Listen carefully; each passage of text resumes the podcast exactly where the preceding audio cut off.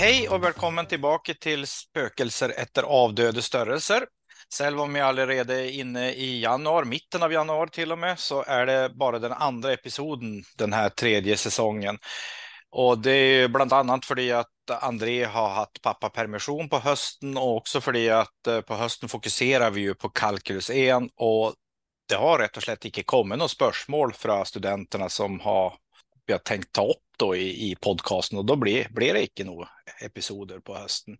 Men nu är det ju vår semester då och vi ska pröva på nytt och här har vi haft lite mer eh, olika typer av eh, innehåll. Eh, och idag så har jag faktiskt en ny gäst och det är en från Sverige, samma land som jag kommer ifrån. Så du kan väl presentera dig själv? Ja, hej. Jag heter Kerstin Larsson eh, och jag är vad som motsvarar första amanuensis, eh, Eh, det vill säga universitetslektor på ett universitet i Sverige i Luleå, Luleå tekniska universitet. Där jobbar jag med lärarutbildning, eh, lärare som ska bli lärare för första till sjunde trin. Och eh, jag forskar också och jag har väl särskilt intresse då för aritmetik och det som vi brukar kalla early algebra. Mm. Och när du säger då första till sjunde trin då, så då är det norska första till sjunde och svenska ja. är ju förskoleklass till uh, sjätte trin.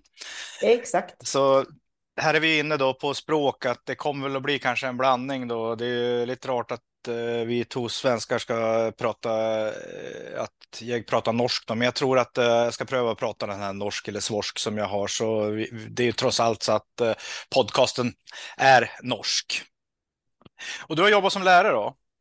Jo, det har jag. Jag har jobbat som lärare på det vi i Sverige kallar mellanstadiet. Har ni något bra ord för det i Norge? Ja, mellontrin kan man väl säga. Då. Så det är ju femte till sjunde klasser då på, på, i norska systemet. Eh, och här har vi väl tänkt då och i vart fall eh, laga två episoder. Eh, en idag då som handlar om additiva operationer eh, och undervisning om det. Och nästa episoder kommer att handla om eh, multiplikativa operationer. Eh, blir sannolikt eh, publicerat om två veckor. Men idag är det alltså om additiva operationer och det passar ju också bra eh, att publicera den idag för att idag så inleder vi Matric 10-årskonferens. Eh, eh har alltså haft Matric i 10 år och Eh, dessutom så är det ju faktiskt då att dessvärre så upphört eh, Matric vid nyttår då, för det var fem år och så blir det fem år till och nu ska vi få mycket mer förlängelse. Men eh, passar trots allt bra att publicera detta då eh, samtidigt som den konferensen går. Men till innehållet då. Ehm, och det ska alltså handla om additiva operationer. Och vi har väl en erfaring av att Eh, subtraktion på någon måte är vanskligare än addition, kanske både som person och som lärare och dessutom vet vi att det finns forskning på det. Men varför är det egentligen vanskligare för elever med subtraktion? Ja, det är en jättebra fråga. Den frågan ställde jag mig själv och mina elever när jag jobbade på mellantrin. Eh, men nu när jag har forskat lite mer så förstår jag varför subtraktion upplevs som svårare av många. Det är väl egentligen två huvudanledningar som jag ser det. Och då kan vi säga att, anle att, att anledning på svensk betyder ja. något annat än anledning på norsk då, att eh, det är grund eller orsak kan man säga. Så visst det kommer anledning igen så är det alltså att det är grund eller orsak. Så fortsätt. Ja, jag ska försöka säga orsak istället. ja, för det har vi på svenska. Det är samma ord då på svensk. Ja. Ja, jo, men en orsak är, är ju att om man tänker på de allra yngsta barnen på förskolan, barnahagen, när de börjar upptäcka tal och antal och lära sig att räkna, då är det naturligt att man räknar 1, 2, 3, 4 och så vidare uppåt. Det är inte alls lika naturligt att man räknar neråt, 4, 3, 2, 1. Eh, och när de sen blir lite äldre och börjar kanske i första trin eller sista året på förskolan eller i andra trin och börja lite mer formalisera addition och subtraktion som ju då är de två additiva operationerna. Eh, då gör de fortsatt på, på samma måte. Eh, att de gärna räknar ett i taget. Om de ska räkna 5 plus 2 så räknar de gärna med hjälp av fingrarna ett i taget. Så att eh, om de då börjar på fem så är det sex, sju. Fem plus två måste vara sju. Och likaså sju minus fem. Eh, då börjar man på sju och räknar bakåt. Sex, fem, fyra, tre, två. Och det är mer komplicerat. Mm. Det var en eh, orsak. Eh, du har väl sagt att det var två? Mm. Ja, en annan orsak skulle jag vilja skylla på oss vuxna och framförallt oss inom lärarutbildning och eh, skola. För vår undervisningstradition är inte särskilt hjälpsam. Vi är väldigt vana vid att tänka på subtraktion som att det är någonting som man ska ta bort, minska med. Eh, och vi tar inte riktigt hänsyn till, i början av undervisningen i alla fall, att subtraktion också beskriver skillnad mellan när man inte tar bort någonting. Det är en orsak i, i undervisningstraditionen. Mm. Men kanske den viktigaste orsaken ser jag som att traditionen säger att vi börjar med addition och så fördjupar vi oss med addition länge. Och sen slutar vi med addition för ett tag och arbetar bara med subtraktion som någonting helt annat. Ja, själva om de är varandras inverser så tar vi dem Exakt. separat. Exakt, det är varandras inverser. Och det är någonting som det finns försöksverksamhet som det forskas på som visar, eh, åtminstone verkar visa att det är klart mycket mer hjälpsamt för eleverna att man ganska samtidigt, eh, eller åtminstone inte arbetar så länge med addition innan man tar in subtraktion också. Och då tar man in det som att det är inversen, det är inversa operationen på så sätt så, så blir det inte lika dramatiskt att nu ska vi göra något annat som är svårare. Och barna får en möjlighet att direkt uppleva att det är inte konstigare än att sju kan vi dela upp i till exempel fem och två. Och så kan vi tänka fem plus två är sju eller två plus fem är sju och sju minus två är fem och sju minus fem är två. Hur, hur detta samverkar.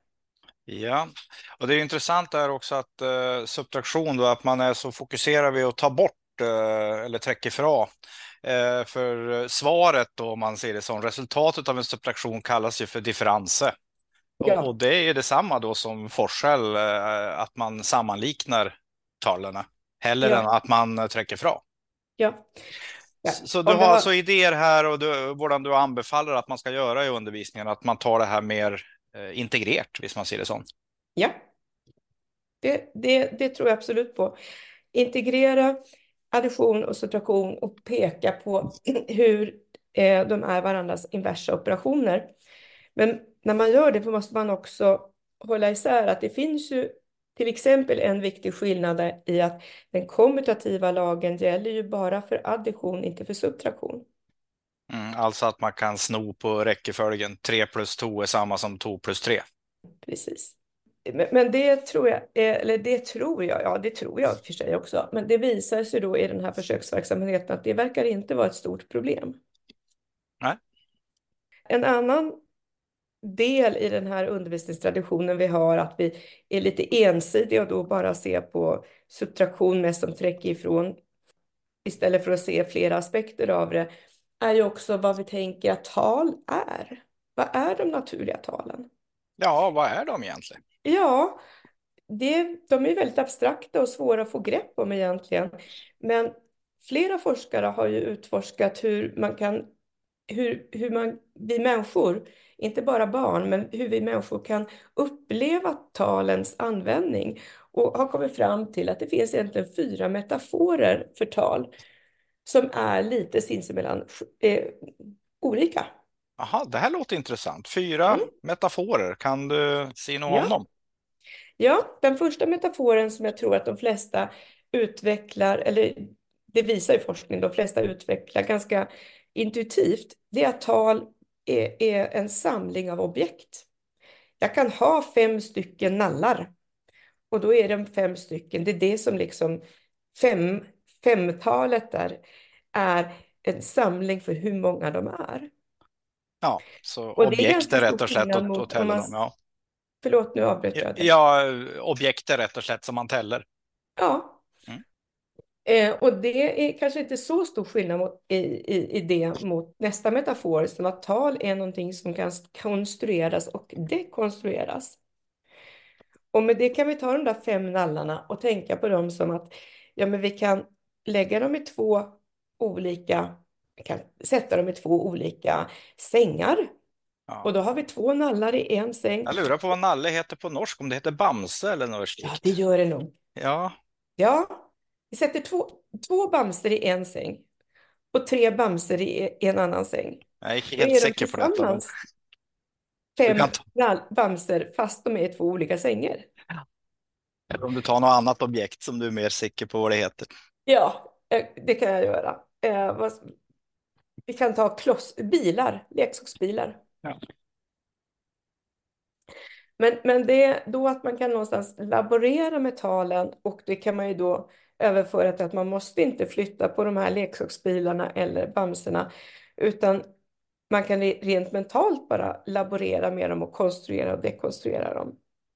Det är ett ganska stor skillnad för, för många små barn eh, som är, går på barnehagen. Att det är liksom olika saker på något vis. Men ännu större skillnad är när man tänker på tal som en form av må, eh, målning, säger man i norsk, mätning. Mm. Mm. Eh, att det är någonting man använder för att mäta ett antal eller mäta en kontinuerlig storhet som sträcka. Och den i sin tur, den metaforen är ganska stor nära till hands att tänka på den fjärde metaforen, att tal beskriver rörelse längs en väg. Och med det kan vi tänka på hur vi kan vandra framåt och bakåt i talraden. Mitt exempel tidigare, att jag vandrar fem steg bakåt i talraden när jag ska räkna sju minus fem, det är just ett sådant exempel på att metaforen för tal övergår till, istället till att det är en rörelse längs en väg. Mm. Yes. Och det var tredje metaforen, eller var det, Det var fjärde. var det fjärde? Den tredje var målning, Ja, okej, jag andra tänkte att, ja, ja. Jag konstruktion och dekonstruktion. Ah. Okej, är det något mer du kan säga om de fyra metaforerna? Ja, eh, de fyra metaforerna är väldigt hjälpsamma eh, när något äldre elever ska eh, utveckla sina olika strategier för att hur man kan utföra själva beräkningen. Därför att ibland är det väldigt hjälpsamt att tänka på tal som målning. Eh, till exempel om jag ska jämföra min längd som är 164 centimeter med någon annans längd som kanske är 158 centimeter. Då kan jag tänka att jag vill mäta målet. Hur stor skillnad är det mellan våra två längder? Det är direkt olämpligt att tänka på våra längder som en samling av objekt och som tar väck. Då skulle jag ha 164 centimetrar som någon sorts saker och så skulle jag ta väck då den andres 158 centimetrar som någon sorts saker och det, det, blir, det blir väldigt orealistiskt. Ja, det kan man tänka, ja. Och eh, det här att eh, metaforerna tal kan konstrueras och dekonstrueras, det ligger ju bakom många strategier. Eh, strategier för kanske lite äldre barn när man ska arbeta med addition och subtraktion. Då kan man ha stor nytta av dekonstruktionsmetaforen. Eh, om jag till exempel vill addera 43 med 29 så kan jag ta 1 från 43 och flytta över till 29 och så gör jag om det till 42 plus 30, vilket gör en mycket enklare beräkning. Mm. Och då utgår jag någonstans från, från att tal är någonting som är förknippat med saker, med objekt som jag kan flytta på och konstruera omkring. Eh, Medan om jag ska istället titta på en motsvarande subtraktion som 43 minus 29. Då har jag nytta av att se det som att det är platser på en tallinje, på en talrad, som jag kan flytta båda platserna så att jag mäter sträckan mellan. Eh, Jag tar en, en, en omväg här.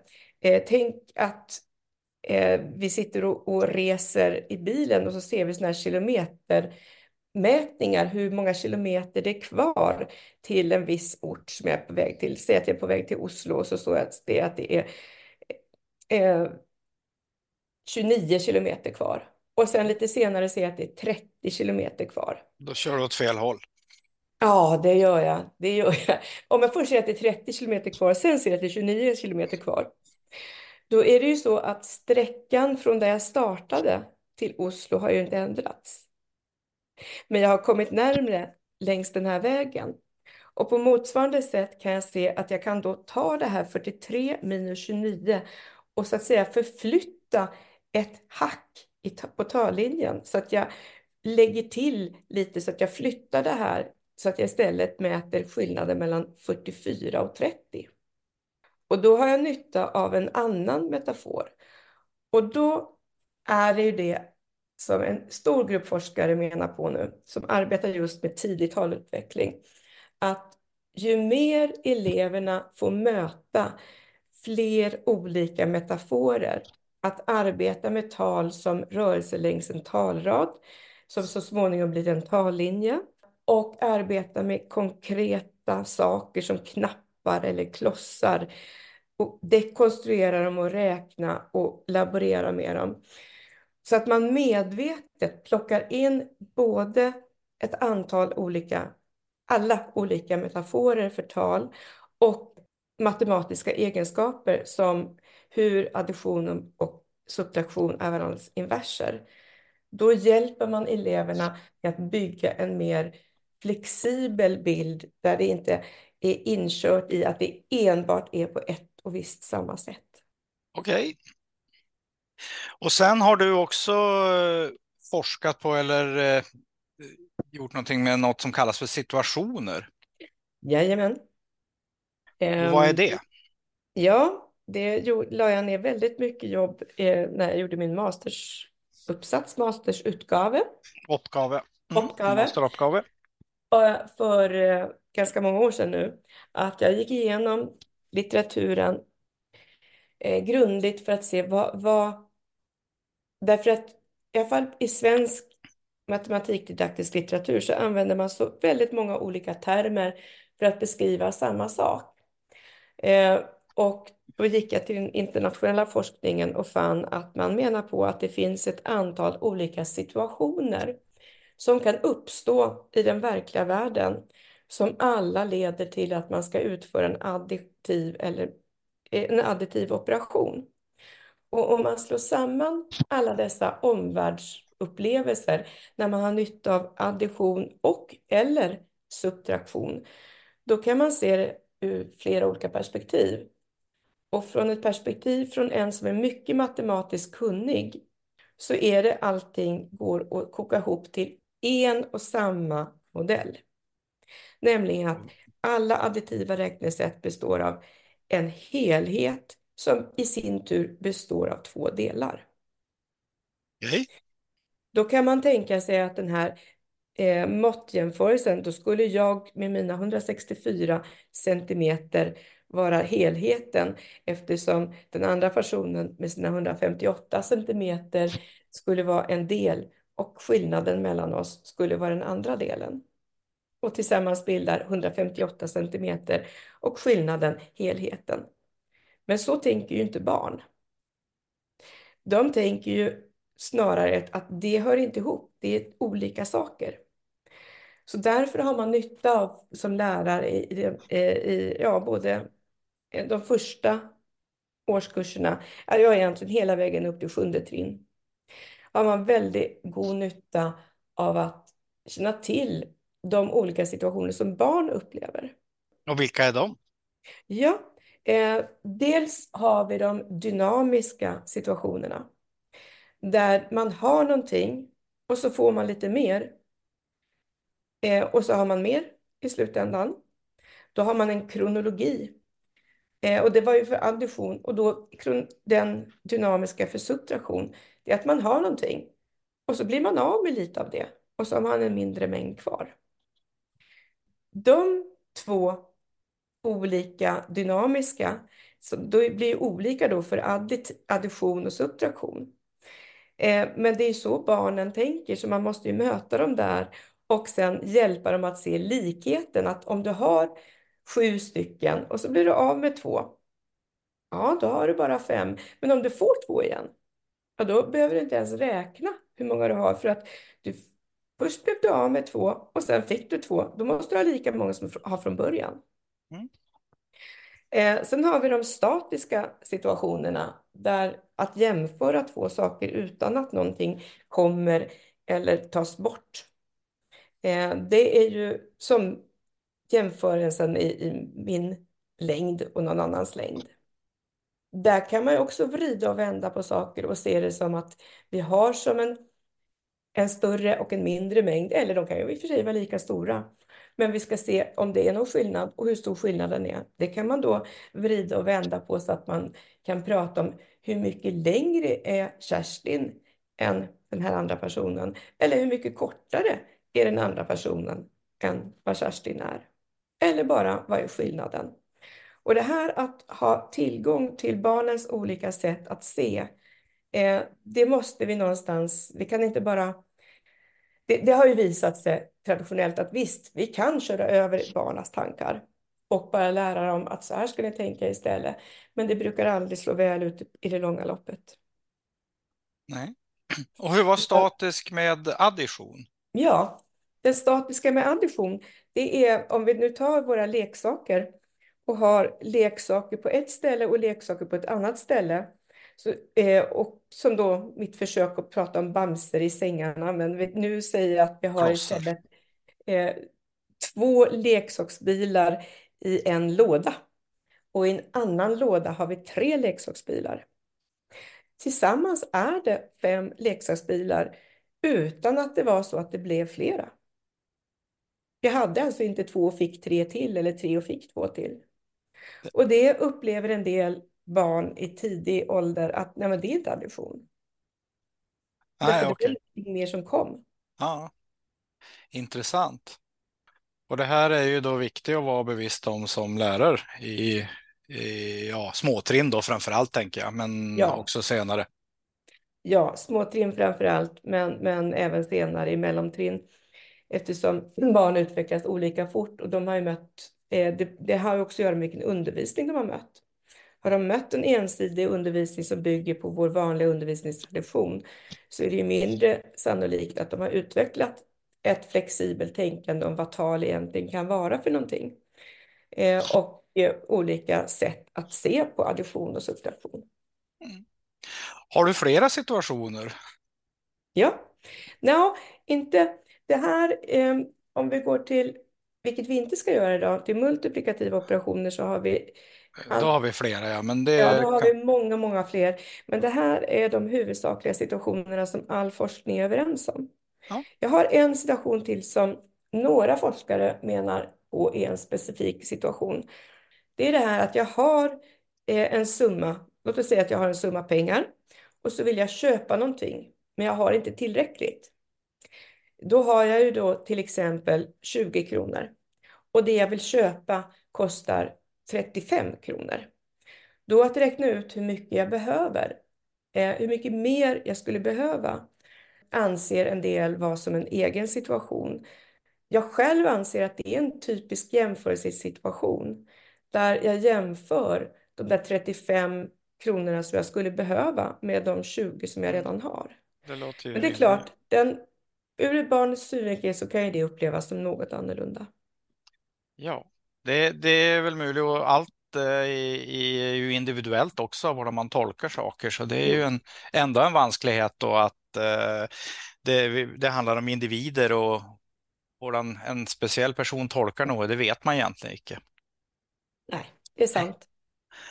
Men hvis vi prövar att uppsummera här så begynte du att prata om eh, eh två Eh, ja, vanskligheter, eller två orsaker till de här vanskligheterna med subtraktion och det var då att eh, barn är eh, mycket mer vant till att tälla upp än att tälla ned och det andra var att undervisningstraditionen att vi begynner med addition och därefter tar vi subtraktion istället för att mer integrera dem. Kanske begynna med addition trots allt, men mycket raskare komma in på subtraktion. Precis så.